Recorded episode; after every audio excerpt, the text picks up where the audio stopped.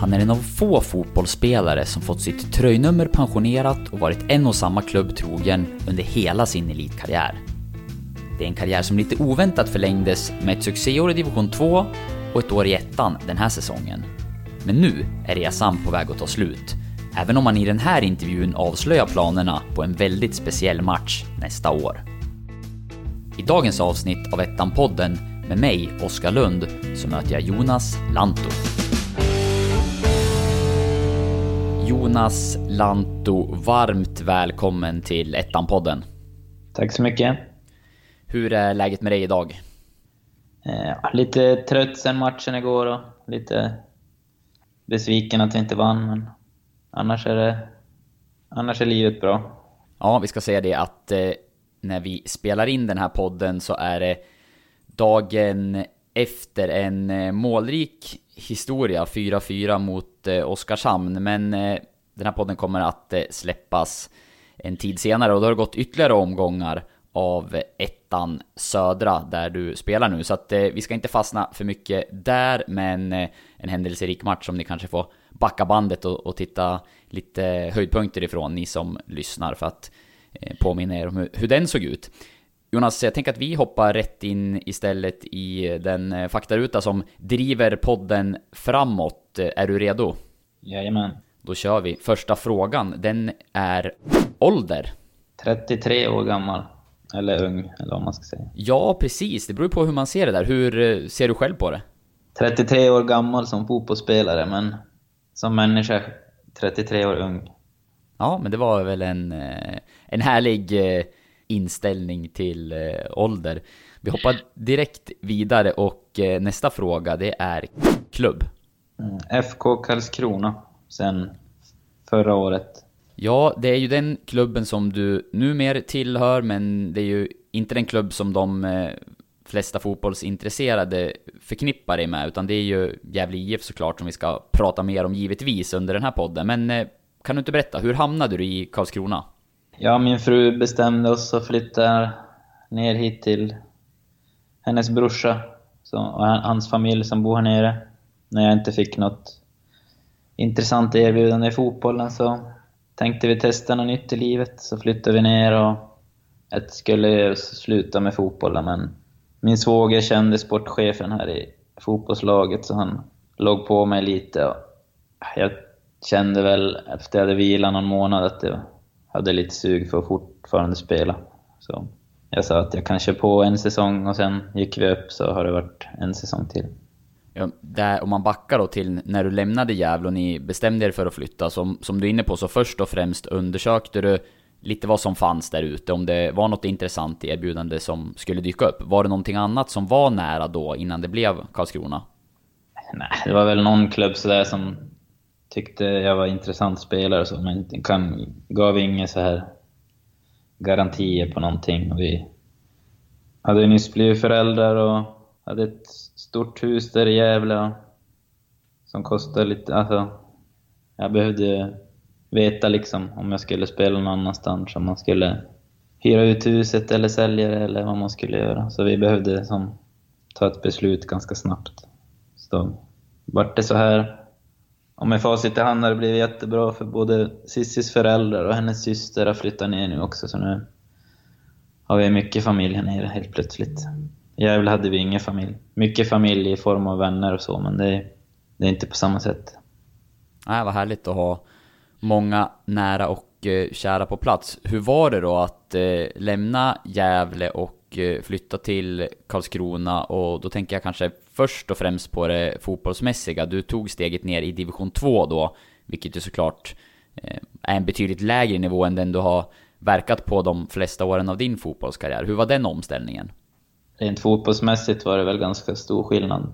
Ju högre upp man kommer, ju mer förberedelse med taktik och genomgångar och man umgås ju i laget på ett närmare sätt under längre tid. Här är det, alla har ju andra arbeten och man kommer ganska sent till träningen och åker ganska snabbt på eftermiddagsträningar. Och, även fast det är familjärt här också, liten klubb och så. Men sen rent mentalt tyckte jag det var ganska skönt att gå ner inte samma... Man hade ju en press på sig i Gävle och man kände av den själv och man ville att det skulle gå så... Jag ville att det skulle gå bra för Karlskrona också, men det, Gävle ligger ju närmare hjärtat. Mycket närmare, så det var Man fick en lite mer avslappnad känsla till fotbollen igen, som man inte haft på ett tag. Ja, jag kan förstå det. Och Gävle och känslorna för den föreningen kommer vi såklart eh, komma in på. Du fick ju vara med om att ta steget upp eh, när ni avancerade från division 2 till ettan. Hur var den resan?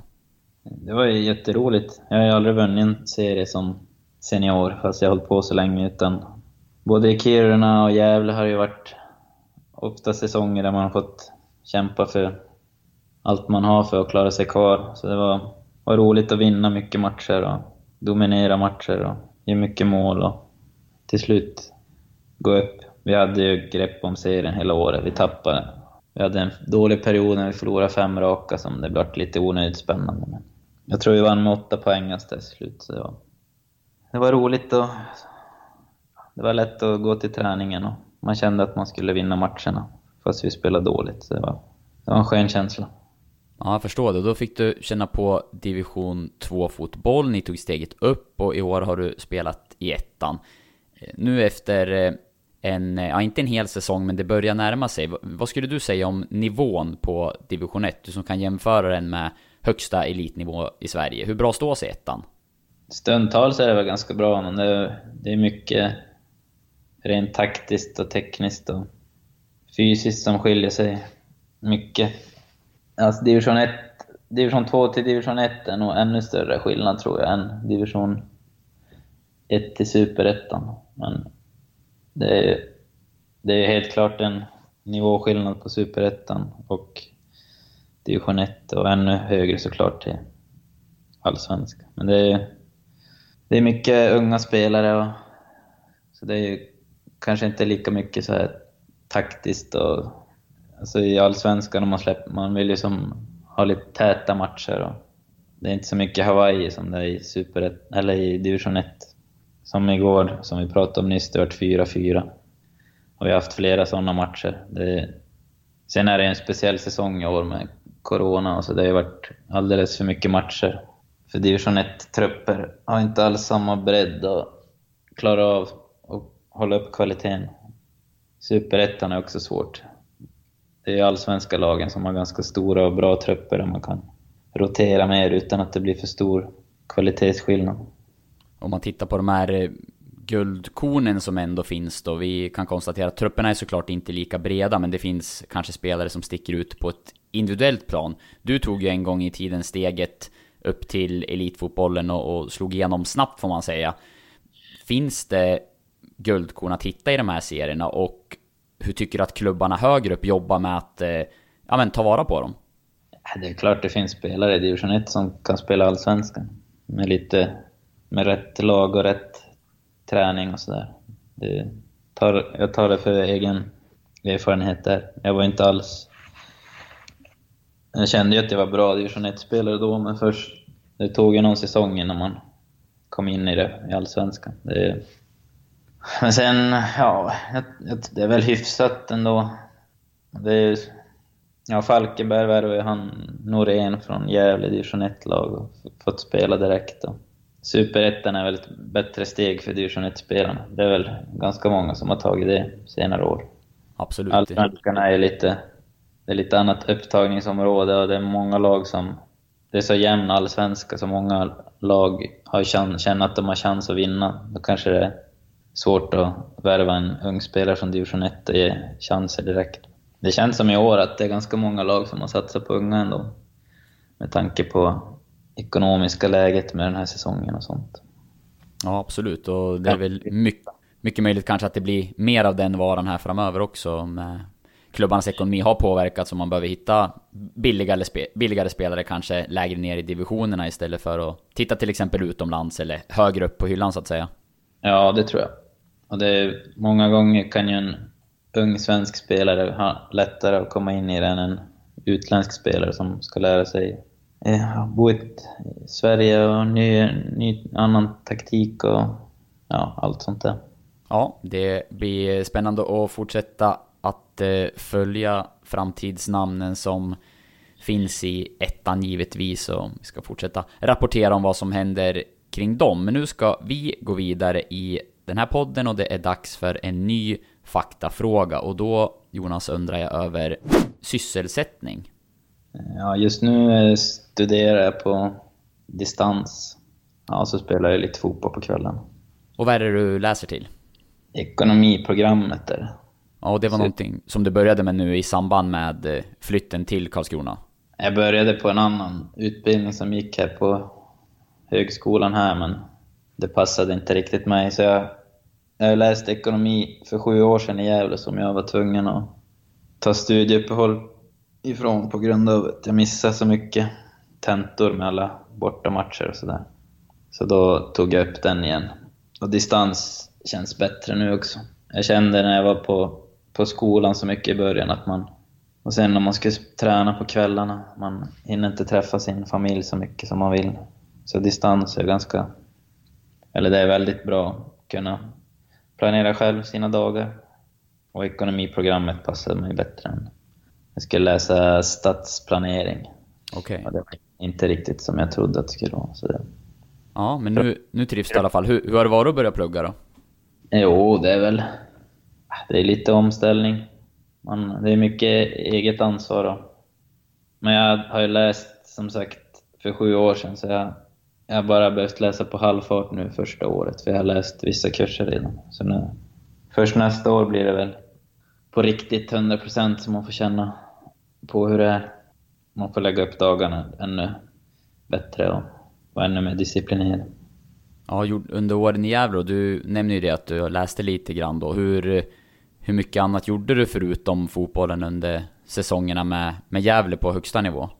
Det beror på vad man menar med gjorde. det var ju mycket ledig tid. Vi hängde, vi var ett gäng grabbar i samma ålder och samma liv. Så det vart ju mycket att man tränade på morgonen och åt lång lunch. Och sen hängde man hela dagen. Det var ett skönt liv. Som nu då när du har startat upp eh, studierna på allvar får man säga då. Kan du tänka att du skulle ha gjort ännu mer under de där åren eller känns det ändå som att det var ja, rätt prio där och då och att eh, du nu kan ta tag i skolan på ett bra sätt istället? Just nu känns det väl som att det hade varit skönt om man hade gjort det redan, men där och då känner man, alltså det tar ju visst fokus. Och när man spelar, när jag, för min egen del, när jag spelade på högsta nivå, där kände jag att jag ville lägga full fokus på fotbollen så man kunde prestera så bra som möjligt. Jag tror inte jag hade kunnat göra det om jag hade pluggat samtidigt. Då är det alltid något annat som ligger där och stressar en i bakgrunden. Ja, vi ska komma in nu på de där åren på allra högsta nivå. Antar jag i alla fall, för nästa fråga det är ditt bästa fotbollsminne. Jag, bruk, jag brukar alltid ta upp den här uh, våren 2011 när vi låg tvåa i serien i Allsvenskan. Vi höll nollan i sju raka matcher vann mot topplagen hemma och det var en härlig säsong. Ja, då var ni heta. Ja, det var... Allt gick som på räls. Det var, var en rolig tid i fotbollskarriären. Kan du ta oss tillbaka lite grann till den säsongen då? Om du ska kanske nämna några av lagkamraterna och eh, vad var det för Gävle som vi såg i Allsvenskan då? Det var ju ett... För, först och främst var det väldigt eh, bra defensivt. Vi hade spela ihop... Eh, 2010 var väl tuff säsong, vi klarade oss kvar. Men vi fick behålla i stort sett alla spelare och tog in någon ny sådär. Så vi var väldigt sammansvetsade och hade bra känsla inför säsongen efter vi hade klarat oss kvar.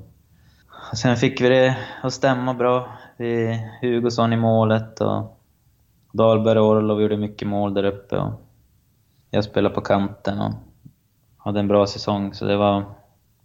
Ja, vi hade ju som sagt sju raka matcher där vi hade fyra 0-0 matcher och tre matcher som vi vann med 1-0.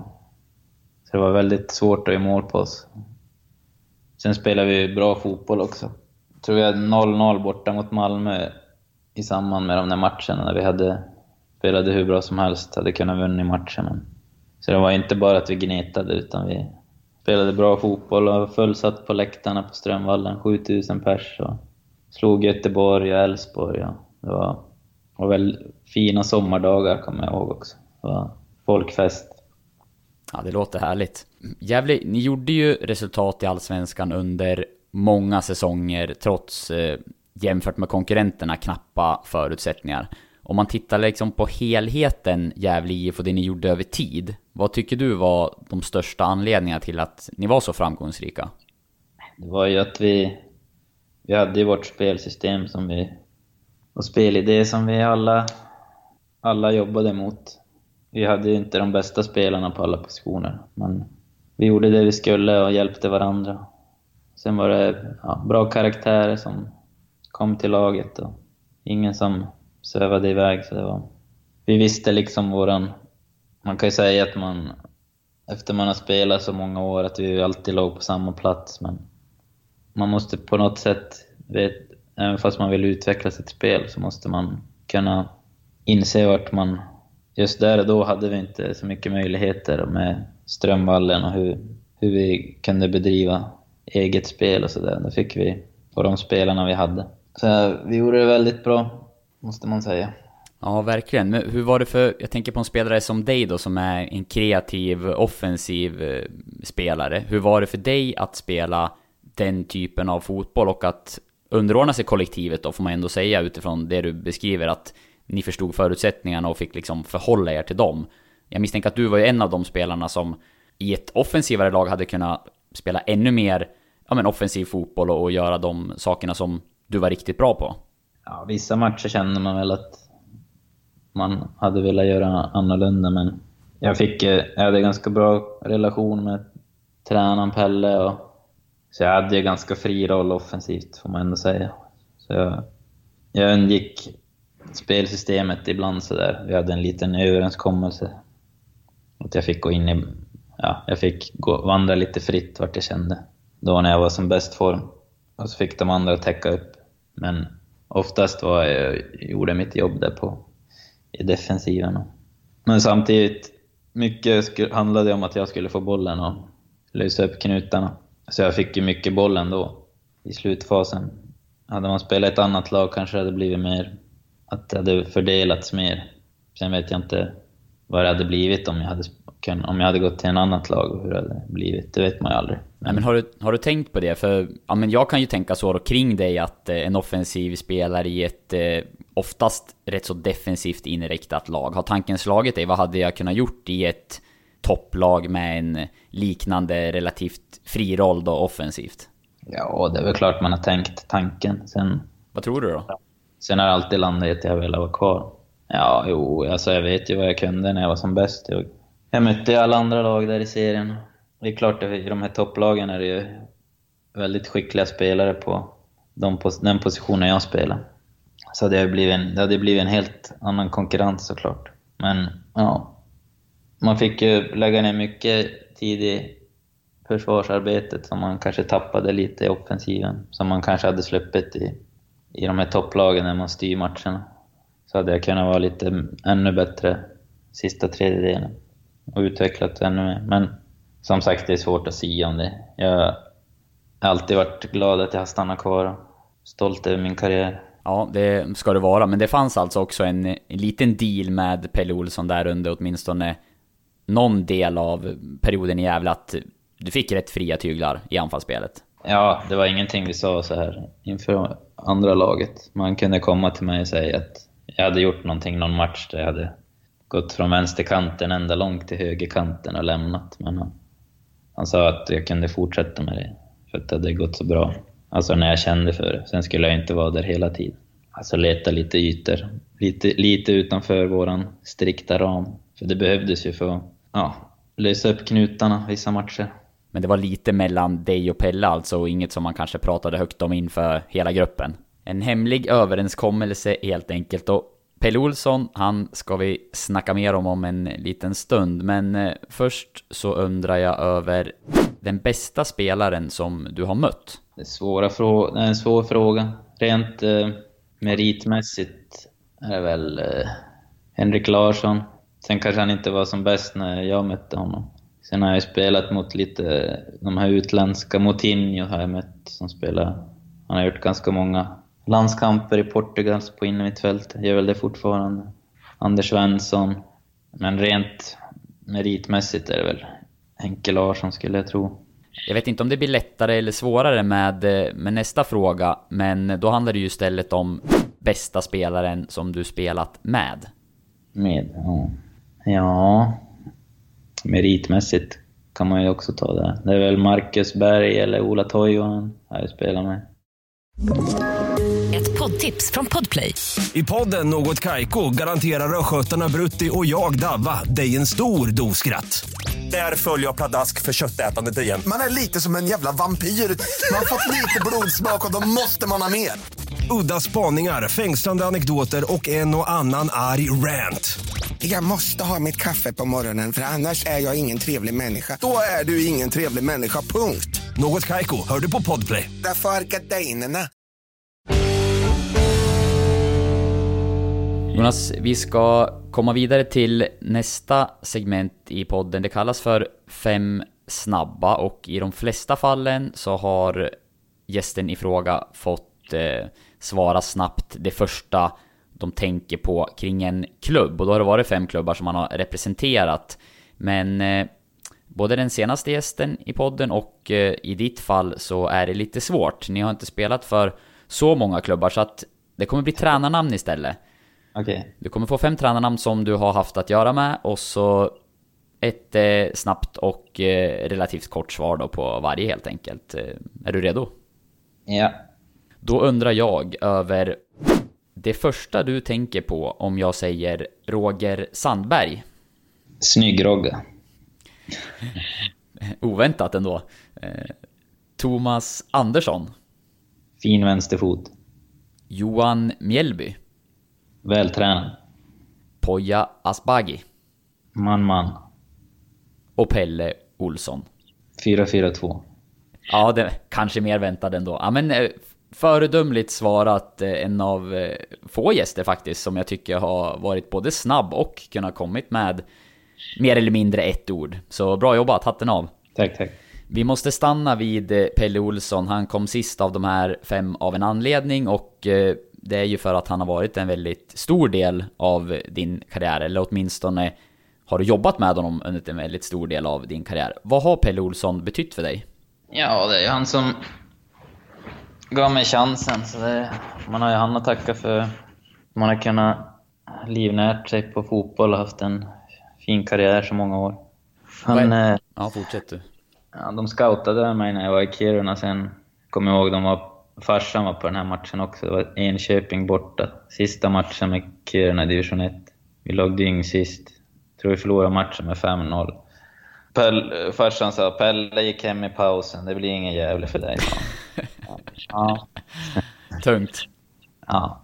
Sen i no oktober, november ringde på telefon. Så var det Pelle som ringde och sa att de ville, han ville att jag skulle spela för Gävle, men inte som forward utan som vänstermittfältare istället. Han skulle skola om mig. Jag var ju forward eller väldigt offensiv inne mitt i, i Kiruna någon match. Så jag sa, äh, det blir inga problem. Du nappade direkt. Ja. Sen i Gävle hade de en sån här sportkommitté som var med inför varje värvning. Så det var, jag vet inte hur många det var, tio stycken kanske. Så var det nio stycken som inte ville att jag skulle komma, de tyckte jag var för liten. Han hade vetorösten så han sa att han skulle ha mig. Så. Okej. Så det var Pelle Olsson ensam då som fick gå emot övriga i det fallet? Ja. Och sen, ja, han trodde på mig. Även fast första halvåret var jag inte alls bra i Gävle. Det var mycket stor skillnad med träning och lära sig taktiken och, och ingenting man var van vid. Tio pass i veckan var det. Tre tunga styrkepass och allt gick snabbare. Och sen lära sig ett helt nytt spelsätt. Och det var ju ganska...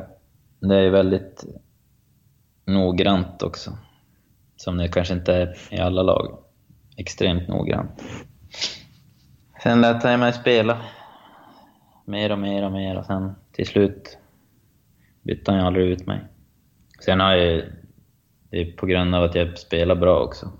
han trodde ju på mig där i början och sen gav han ju mig förtroende hela tiden. Så det var, utan han hade jag väl inte varit där jag är idag, tror jag. Sen vet man ju aldrig om det är kanske någon annan som hade upptäckt den. Men jag var ändå med i de här ungdomslandslagen, så folk visste väl vem jag var. Men det är ändå en lång bit till att få ett, ett, en bra klubb. Det här med att han gick emot då, övriga sportkommittén, var det någonting du fick veta i samband med övergången eller är det något du har fått reda på i efterhand? Nej, det har jag fått veta efteråt. Var en, han var lagledare i vårt lag då när jag kom, som fixade mycket. Han var också med i den här kommittén. Han har ju sagt efteråt att han, han ville inte att jag skulle komma hit, men han var, glad, han var så glad att Pelle hade gått emot honom. Ja, det är lätt att förstå. Var det just fysiken då som de ställde sig emot där i sportkommittén? Ja, jag var såg ut som en räka och var 1,68 lång. Så var ju, med tanke på hur Gävle spelade också så var det ju inte så konstigt att de trodde så. Men jag har alltid varit minst och levt på spelförståelse och spelintelligens istället. Så det var inga problem. Har du märkt av det i andra sammanhang att eh, tränare eller folk runt omkring har tvivlat på dig på grund av det fysiska? Nej, inte se, inte... Det har väl alltid hängt med en att man är liten sådär. Det men inte... Jag tror inte jag blivit bortplockad från några matcher på grund av det. Det är mer att eh, folk tror att man ska vara dålig på svag i dueller och inte kunna vinna nickdueller. Som jag är fortfarande förvånad över att de inte vet bättre. Ja, om, vi, om vi stannar vid Pelle Olsson då. Utöver att eh, jag förstår att han har betytt mycket för dig för att han satsade och trodde på dig. Vad var hans, eller är hans, stora styrkor som tränare tycker du? Det är hans noggrannhet. Han låter ju aldrig något gå till slumpen. Han kollar, kollar på eh, inför nästa motståndare. Jag vet inte hur många matcher han kollar på och egna matcher. Och går igenom eh, laget, hur man ska spela. Och varje moment på träningen är med syfte på hur man själv spelar. Det är inte så mycket så här allmän träning eller vad man ska kalla det, att man bara spelar. Utan allt har ett syfte och ja, han är väldigt taktisk och noggrann helt enkelt. Hur var det sen när han lämnade Gävle och, och gick till Djurgården istället efter att ni hade jobbat tillsammans under många, många år? Det var ju konstigt såklart, men eh, han fick ju chansen och inte så konstigt att han valde att testa något nytt. Vart länge i Gävle och så är ju fotbollen. Ja, och han flyttade från Gävle till Stockholm då. Du flyttade ju från Kiruna till Gävle när du kom till klubben. Om vi bortser från det fotbollsmässiga, hur var det att eh, flytta och ta det steget? Det var jättejobbigt första. Det var en lång bilresa från Kiruna till Gävle med morsan och farsan. Det var... Man hann tänka mycket där i bilen. Aldrig bott själv och en helt ny stad och kände ingen i stan. Jag hade en gammal klasskompis som bodde i Gävle. Från Kiruna. Det var väl... Och mammas kusin som bodde utanför eh, Gävle. Men annars var det ju helt nytt för en. Så det var 19 år. Jag tänkte ju på hur det skulle gå, såklart. Och sen när det gick jobbigt i fotbollen i början kände man att vad gör man här liksom? Kommer jag aldrig få spela när jag är så här dålig. Så det, var lite, det var jobbig tid i början. Men det var ju många nya unga killar som kom samtidigt så man fick lite kompisar ganska snabbt. Och sen vart det ju bättre och bättre såklart. Nu, sen bodde jag där i, från 2007 till 2019. Ja, du blev kvar ett bra tag, men hur gjorde du för att hantera den där första tuffa perioden som du beskriver? Och när flytta hemifrån första gången och det fotbollsmässiga funkar inte som du hade hoppats där i början. Vad gjorde du för att eh, ändå fortsätta och orka köra vidare och kanske inte vända hem då som jag misstänker att eh, de tankarna kan man brottas med? Nej, jag tänkte väl aldrig på att flytta hem utan jag ville ju alltid bli fotbollsspelare. Och jag visste ju att det skulle släppa sen när vi släppte på träningen. Eller jag trodde det i alla fall. Och jag pratade ju med tränarna och sådär, de trodde ju fortfarande på mig fast det gick lite sämre på... Man tog ju mycket konstiga beslut och sköt från halva plan och så här för att man var trött och inte... Benen orkade inte riktigt och huvudet. Och träningsmatcherna gick dåligt. Fast vi mötte division 2-lag som jag hade dominerat mot innan. Så då, förstod jag att det, jag inte blivit sämre spelare så. Det, måste, det är träningen som... Man hade inte lika pigga ben. Och sen hade vi så pass mycket träningar hela tiden så man... På det sättet var det bra. Man var ju mycket med laget. Alltså man satt inte själv hemma så länge och grubblade. Minns du när du kände att det lossnade då? Att eh, träningen kanske började släppa, benen började bli pigga och du, du hittade rätt i Gävle? Ja, det var ju där slutet på träningsförsäsongen och kände jag att det började lossna och jag fick ju hoppa in första matchen direkt. Och. Sen fick jag göra 22 matcher första året ändå, tre starter. Hoppa in 19 matcher då. Jag gjorde tre mål, så då kände jag att... Och U21-matcherna gick ju väldigt bra första året. Så då kände jag ju att jag hade på den nivån att göra. De i laget tyckte om mig som person och som spelare. Så då växer man ju. Och sen ville de ju förlänga redan efter första året. Jag hade ju bara två års kontrakt. Så då var jag ännu ett kvitto på att de ville satsa på mig. Ja, härligt. Och Pelle Olsson har vi pratat om som en person som har betytt mycket för din fotbollskarriär. Och nu undrar jag över personen som betytt mest i din fotbollskarriär. Farsan hävdar att det är han. Så kanske, kanske är han. Farsan har ju varit viktig såklart. Han har ju varit min, han var ju min tränare hela ungdomen. Och, ja, alltså han, han var ju själv spelare och tränare på... Han var tränare i Kiruna när de höll på att gå upp i Allsvenskan. Okej. Okay. Så jag hängde mycket på A-lagsträningarna redan när jag var liten och följde med på matcherna. Och, och brorsan spelade ju också. Så det är ju tack vare farsan och ja, brorsan man började spela. Sen var jag min tränare så länge. Han, han var ju väldigt hård mot en. Alltså han ville ju att man skulle lyckas som spelare. Så jag, det var ju bara fotboll egentligen. Jag höll ju aldrig på med något som kanske ungdomar kan göra, gå på, börja tänka på att träffa tjejer och gå på lite fester och sådär. Jag gjorde ingenting sånt. Jag, var ju, jag satsade ju bara på att bli bra på fotboll. Var det liksom en eh, drivkraft eh, du hade själv då, eller var det till stor del också att eh, pappa var med och eh, drev dig i den riktningen så att säga? Det var, man måste nog höra inifrån. Sen kände man ju, alltså, han var ju på en liksom. Alltså jag ville inte, man ville ju som gör sina, eller jag ville i alla fall, att man skulle lyssna på sina föräldrar. Han, eh, ja, han var ju länslagstränare också dessutom sen, så han tog ju med mig på de här ut mig på, tog ut mig i laget. Och sen skulle jag ju vara med såklart. Men... Ja men fanns det någonting där då att, jag tänker när man har sin, sin pappa som tränare i klubblaget och på den nivån när det handlar om uttagningar och sådär också, fick du någonsin eh, skit från andra på grund av det eller att det snackades om att man blir uttagen på grund av sin förälder eller sådär? Nej, jag var så pass överlägsen skulle jag säga, så det var väl ingen snack. Och sen kom jag med i landslaget så där, så det, där, tog han, där tog inte han ut mig direkt. Nej, det var svårare. Vilken, eh, hur är er relation i, idag då? Ja, vi pratar efter matcher och sådär. Vi har väl en ganska norrländsk relation skulle jag säga. Vi, vi pratar om fotboll och inte så mycket om livet i stort sådär, utan det, vi vet vart vi har varandra. Han följer matcherna och ringer efter matchen när det har gått. Sen är det ju såklart mycket mindre nu när det lägre nivå. I Allsvenskan pratar vi väl, om inte varje dag, men flera gånger i veckan. Nu är det väl lite mindre. Och de är pensionärer nu, de har mycket att göra där i sin by. Så det blir, blir inte lika mycket nu.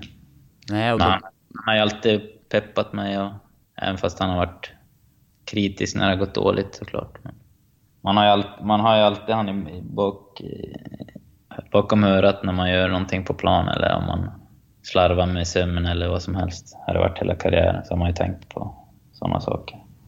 Vad är det framförallt att ha någon käpphäst sådär som du känner att varje gång du kanske lyckas med eller slarvar med just det här, då tänker du lite extra på pappa? Ja, det är väl lite mindre nu. Förut visste man ju om man missar någonting där, ja, nu kommer man få höra det här hemma. Det är väl, det har varit både bra och dåligt att man har känt Fast jag har ju lyck lyckats ändå, så man får väl säga att det har varit bra att ha haft det med sig hela tiden. Ja, eh, vi eh, ska lämna den relationen och personen som alltså betytt mest för dig under fotbollskarriären och sen kommer vi in på en fråga där du kanske måste tänka efter lite. Eh, om jag skulle få gissa. För det jag undrar det är en, över en märklig händelse som du varit med om under din fotbollskarriär. Och det är ju en bred fråga, det kan vara lite vad som helst, men någonting som sticker ut och som var lite annorlunda eller något som du kanske inte trodde att du skulle få uppleva eller... Och framförallt kul om det är något som inte så många vet. Det jag tänker på, det kanske inte är något speciellt egentligen. Vi var på Europa, Europa League på Färöarna, så vann vi ganska stort mot det laget vi mötte. Sen efteråt då bjöd de oss på mat i deras... Ja, det var någon lo lokal där bredvid planen. Så bjöd de på en massa så färöisk mat, valspäck och så var det någon tjej som var där och sjöng. Och det, var okay. det var lite märkligt. Men då satt ni med motståndarlaget alltså och åt eh, färöiska specialiteter? Ja, och lyssnade på någon tjej som sjöng på Färö... Färö jag vet inte ens vad det heter. Hur, hur, var det gott? Deras... Nej, det kan jag inte påstå. du köpte det var massa så här konstig mat från späckhuggare och... Nej, kanske inte späckhuggare, men val och massa konstig, konstig mat från, från havet. Konstiga djur. Ja, det var, det var ju, får man verkligen säga, en, en annorlunda upplevelse. Jag vill minnas något Europaspel då ni spelade i Sundsvall. Ni fick eh, spela hemmamatcher där för att Strömvallen inte var godkänd för Europaspel. Var det inte något lag som ni mötte då, då det blev lite turbulent också? Från deras supportrar efter att, om ni hade slagit ut dem eller vunnit eller hur det var. Jag, jag vill minnas någonting där med något flyg också som fick stoppas. Är det någonting du kommer ihåg? Ja, jag var inte med i den matchen, men vi förlorade 3-0 borta och sen vann vi 4-0 hemma. Så vi gick ju vidare. Och deras supportrar stod ute vid deras buss och väntade. Så de kom inte iväg, eller hur det var. Det var någonting sånt Ja, just det. Så var det. De var, jag, väldigt upprörda. Ja, jag, var, jag, jag minns det där själv för att jag, jag Eh, kommer från Sundsvall, så då har man extra koll på just eh, den matchen, så den där händelsen hade fastnat hos mig. En annan sak som jag undrar över som kanske kan leda in på det här med, ja, kanske inte märklig händelse, men sånt som sticker ut. Är, du blev ju kvar i Gävle i alla de här åren, men jag misstänker att du hade en del erbjudanden och är det några klubbar som har stuckit ut eh, när det gäller sånt, som har försökt värva dig? Kontraktserbjudanden från olika länder eller ligor sådär som du kommer ihåg nu om du minns tillbaka? Det är väl den där Israels, klubben från Israel som Pelle tog in mig på kontoret. Jag tror det var 2010. Sa att det var en, Israel, en klubb från Israel som ville köpa mig. Och så ville han bara kolla med mig hur jag såg på det. Så sa jag att nej, dit vill jag inte gå. Och sen var det inte så mycket mer med det. Det tog slut på en gång innan det ens hade dragit igång på allvar? Ja. Har det varit sen, nära då?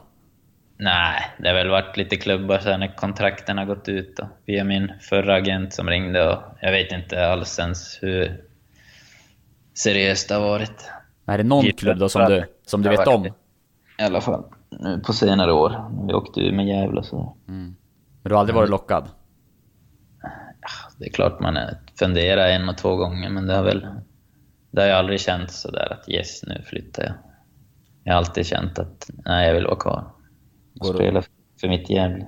Går det att säga när det var det som närmast då? Om det var någon gång du fick tänka lite extra, kanske någon klubb som ändå kändes att ja, men det här skulle kunna vara någonting för mig? Det var ju där när vi åkte ur Allsvenskan, det var ju så jäk jäkla jobbigt. Då tänkte man väl om man skulle... Någon gång tänkte man väl, ska, ska man spela i Superettan? Men det övervägde ändå att jag ville hjälp, spela med Gävle och spela upp laget igen i Allsvenskan. Det gick ju inte vägen. Men som det har jag aldrig känt sådär att... Som sagt, det har aldrig ens varit nära att jag har gått. Nej, Gävle har alltid slagit högst. Nästa fråga i eh, faktarutan Jonas, det är Då mådde du som bäst? Det är väl den där säsongen 2011. Ja, den har vi ju snackat om en härlig tid. Ja. Annars är det väl sen jag träffade min nuvarande fru och när vi har fått våran son. Det är annat liv nu. Nu mår man, nu mår man bra på ett annat plan. Och hur är det då att ha blivit pappa? Det är en fantastiskt och väldigt annorlunda liv än man hade förut. Nu är det han som är prio ett hela tiden. Förut behövde man tänka på sig själv. Så man får ju så mycket kärlek tillbaka och han, man har sina dagar när vi kanske inte alltid är så sams, men det går över fort när han bara ler åt den. Hur gammal, eh, hur gammal är han idag? Han fyllde två år för en månad sedan. Du, eh, vi pratade om när du mådde som bäst, eh, 2011 fotbollsmässigt med Gävle, en fantastisk säsong, eh, träffat eh, kärleken, bildat familj. Om vi tittar på en lite tråkigare del då, då undrar jag också över när du mådde som sämst. Hela 2000... Vilket år är det nu? 2016. När vi åkte ur Allsvenskan. Ur Allsvenskan, precis. Hela den säsongen var jobbig. Ja, hur var det då när, när degraderingen också blev ett faktum efter så många år på högsta nivå? Nej, det var hemskt jobbigt. Jag kommer ihåg efter... Vi ryckte upp oss rejält på slutet. Det var inte jättelångt ifrån att vi kunde klara kvalen då, fast vi hade varit så dåliga under våren. Jag kommer ihåg, usch, jag bröt ihop där på plan och sen det jobbigt några dagar. Det är fortfarande jobbigt när man tänker tillbaka på det. Det kändes som Gävle skulle, vi skulle vara i Allsvenskan kändes det som. Och vi slarvade bort det och åkte ner i Superettan kändes inte alls något kul. Vad var det som gick snett då, som du ser det? Vi gjorde en bra... Året innan gjorde vi, hade vi chans på bästa poängen någonsin. Sen spelade vi lite sämre på sista matcherna, så vi slog inte det där poängrekordet. Så tappade vi lite folk och ja, Fällman försvann där och var viktig för laget.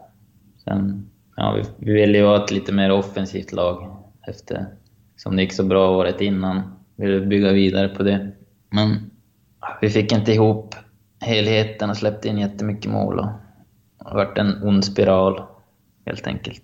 Ja, och det blev superettan till slut och även där så gick det ju sportsligt eh, tungt. Eh, 2017 då kom Poyas Bagi in. Hur var han som tränare när han kom till Gävle? Eh, han eh, kom in med helt nytt, helt nytt spelsystem och helt nytt sätt att angripa vår situation.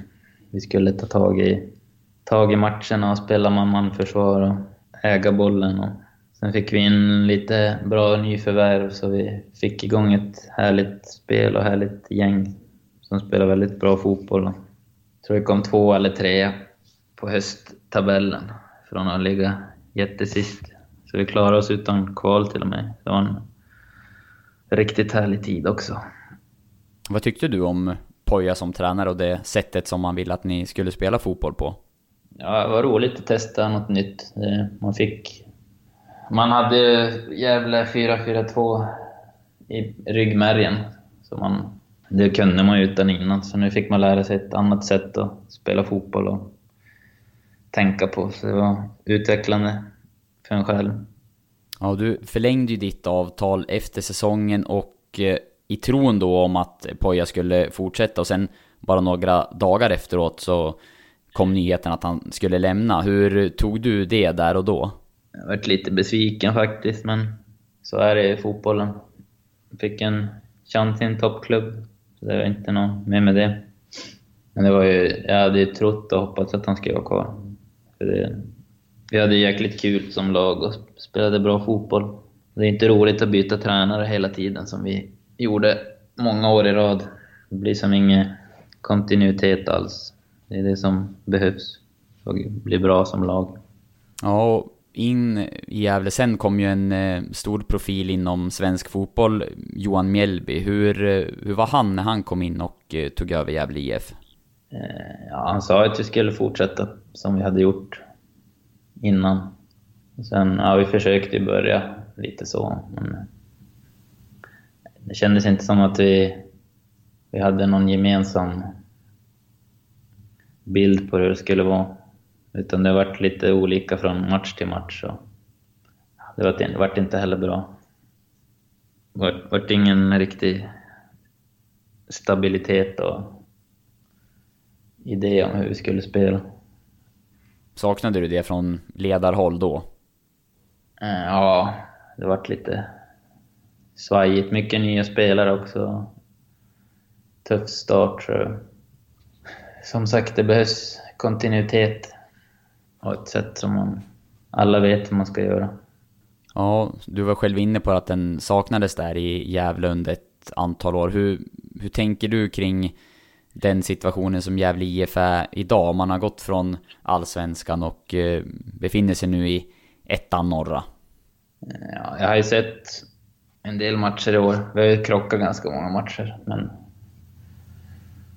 Det känns som de försöker bygga på ett spelsätt och typ av spelare de vill ha in.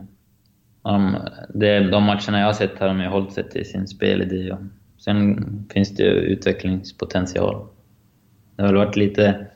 Nu på senare matcher har det blivit lite mål, men innan det har det varit lite uddlöst framåt och ganska stabilt bakåt. Men det behövs en växel till i sista tredjedelen.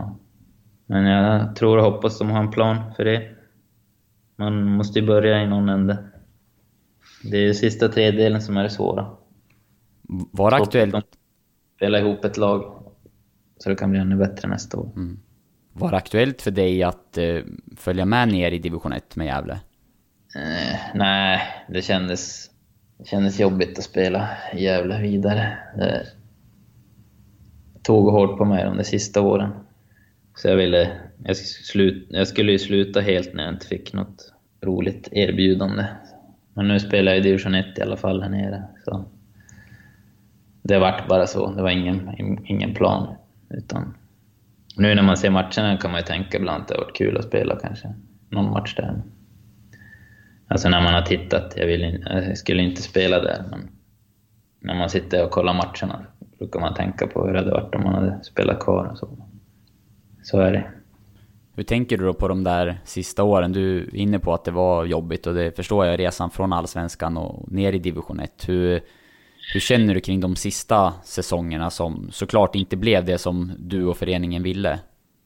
Det känns som... Det är ing, ingen rolig känsla. Det känns som det var, var alldeles för mycket byte i både tränarhåll och spelarhåll och även på ledningshåll högre upp. Det varit alldeles för turbulent. Inte alls som vi hade mina första år i Gävle där kontinuiteten var det som var vår styrka. Så det känns som man letade och letade, men hittade inte rätt och slarvade bort allsvenska platser.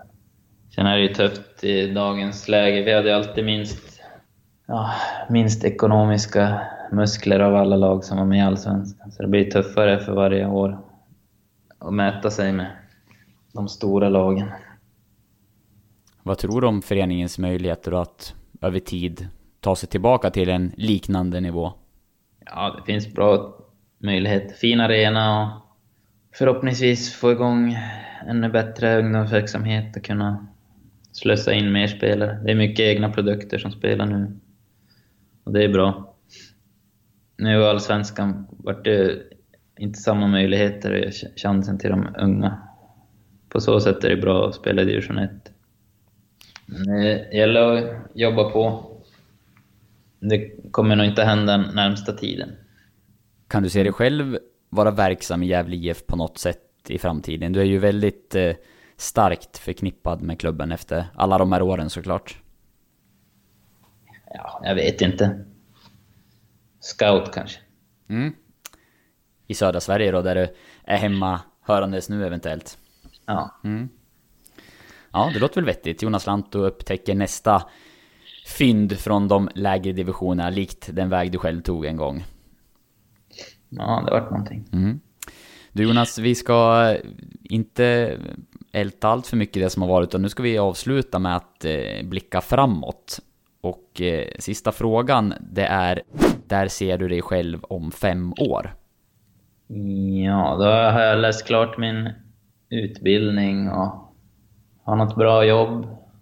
Och vi, jag och min fru har drivit vårt vandrarhem. Jag kanske jobbar inom med, med det, eller så har jag ett annat jobb. Sen har vi ett bra liv här nere med vår familj.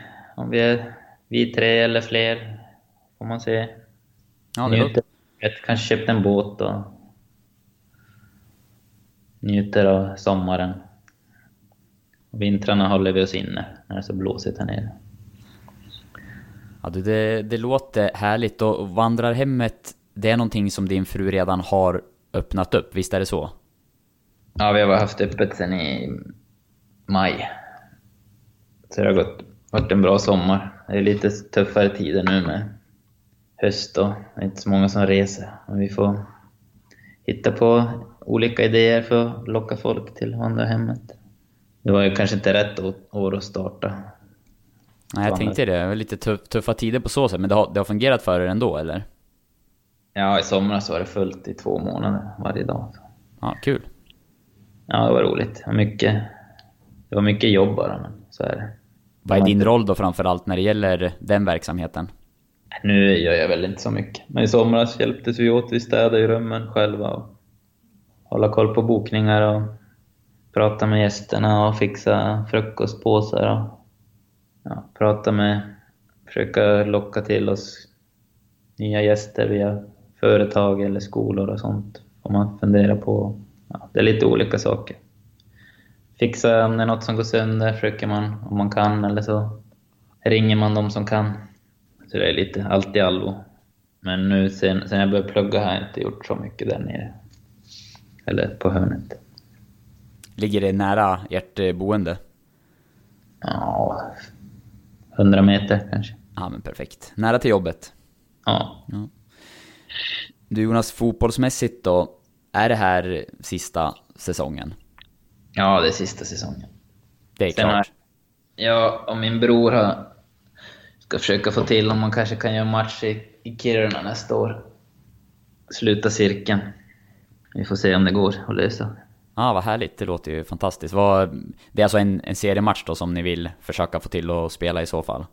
Ja, eller vad det nu blir. Han är, brorsan blir 41 nästa år. Vi spelade ihop senast 2005. Så. Det ska vara roligt att spela match. Om Kiruna vill och det går att lösa. Ja, det låter som en, en utmärkt idé, men att eh, du ska spela en hel säsong nästa år, det är uteslutet? Ja, det blir plugg på heltid också. Familj och vandrar hem och... Jag blir 34 år nästa år. Ja, jag hade gjort mitt kände jag för två år sedan, men nu har jag ändå... Det har varit roligt att spela, krigat på två år till. Man håller ju hyfsat ändå, men man känner att man behöver... Slarvar man lite med förberedelserna så känner man av det direkt. Jag sa ju att Ja, jag sa att vi skulle avsluta podden med att blicka framåt, men eh, när du ändå slår fast då att eh, det blir ingen hel säsong nästa år, då vill man ju ändå summera med att titta lite bakåt. Vad, vad tänker du på när du blickar tillbaka på din fotbollskarriär på elitnivå? Tänker tillbaka med glädje och stolthet över alla mina år i, först i Kiruna, sen eh, framförallt i Gävle där jag spelade så pass länge i, på så hög nivå och prestera.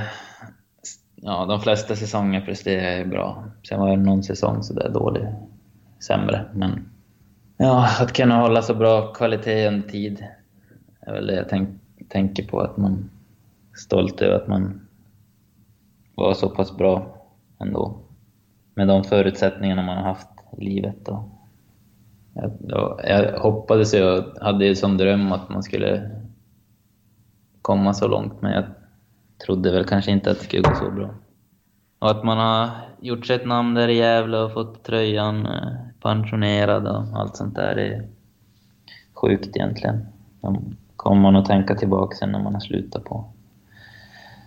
Och alla vänner och sånt man lärde känna där alla som har varit och tittat på en. Och, jag vet inte, svårt att summera.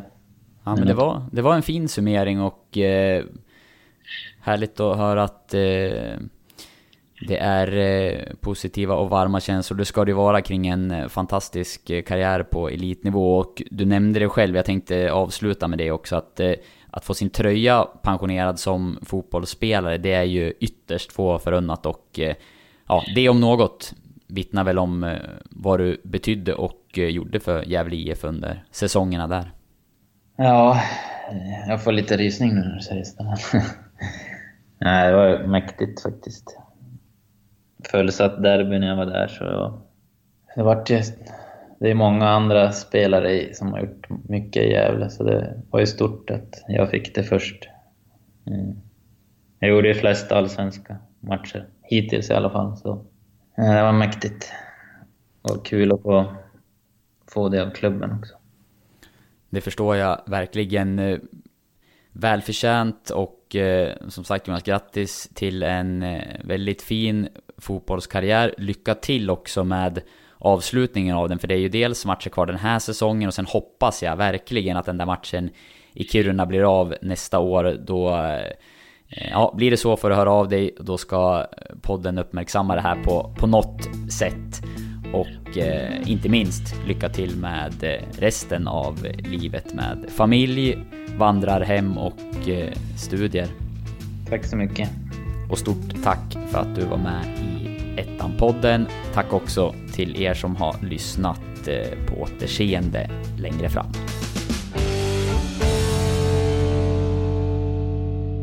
Du har lyssnat på en podcast från Expressen. Ansvarig utgivare Klas Granström. Expressen samarbetar med Podplay, en ny podcastplattform från Bauer Media, där du hittar Expressens poddar och förstås även en massa andra poddar. Du kan lyssna antingen via podplay.se eller i appen Podplay.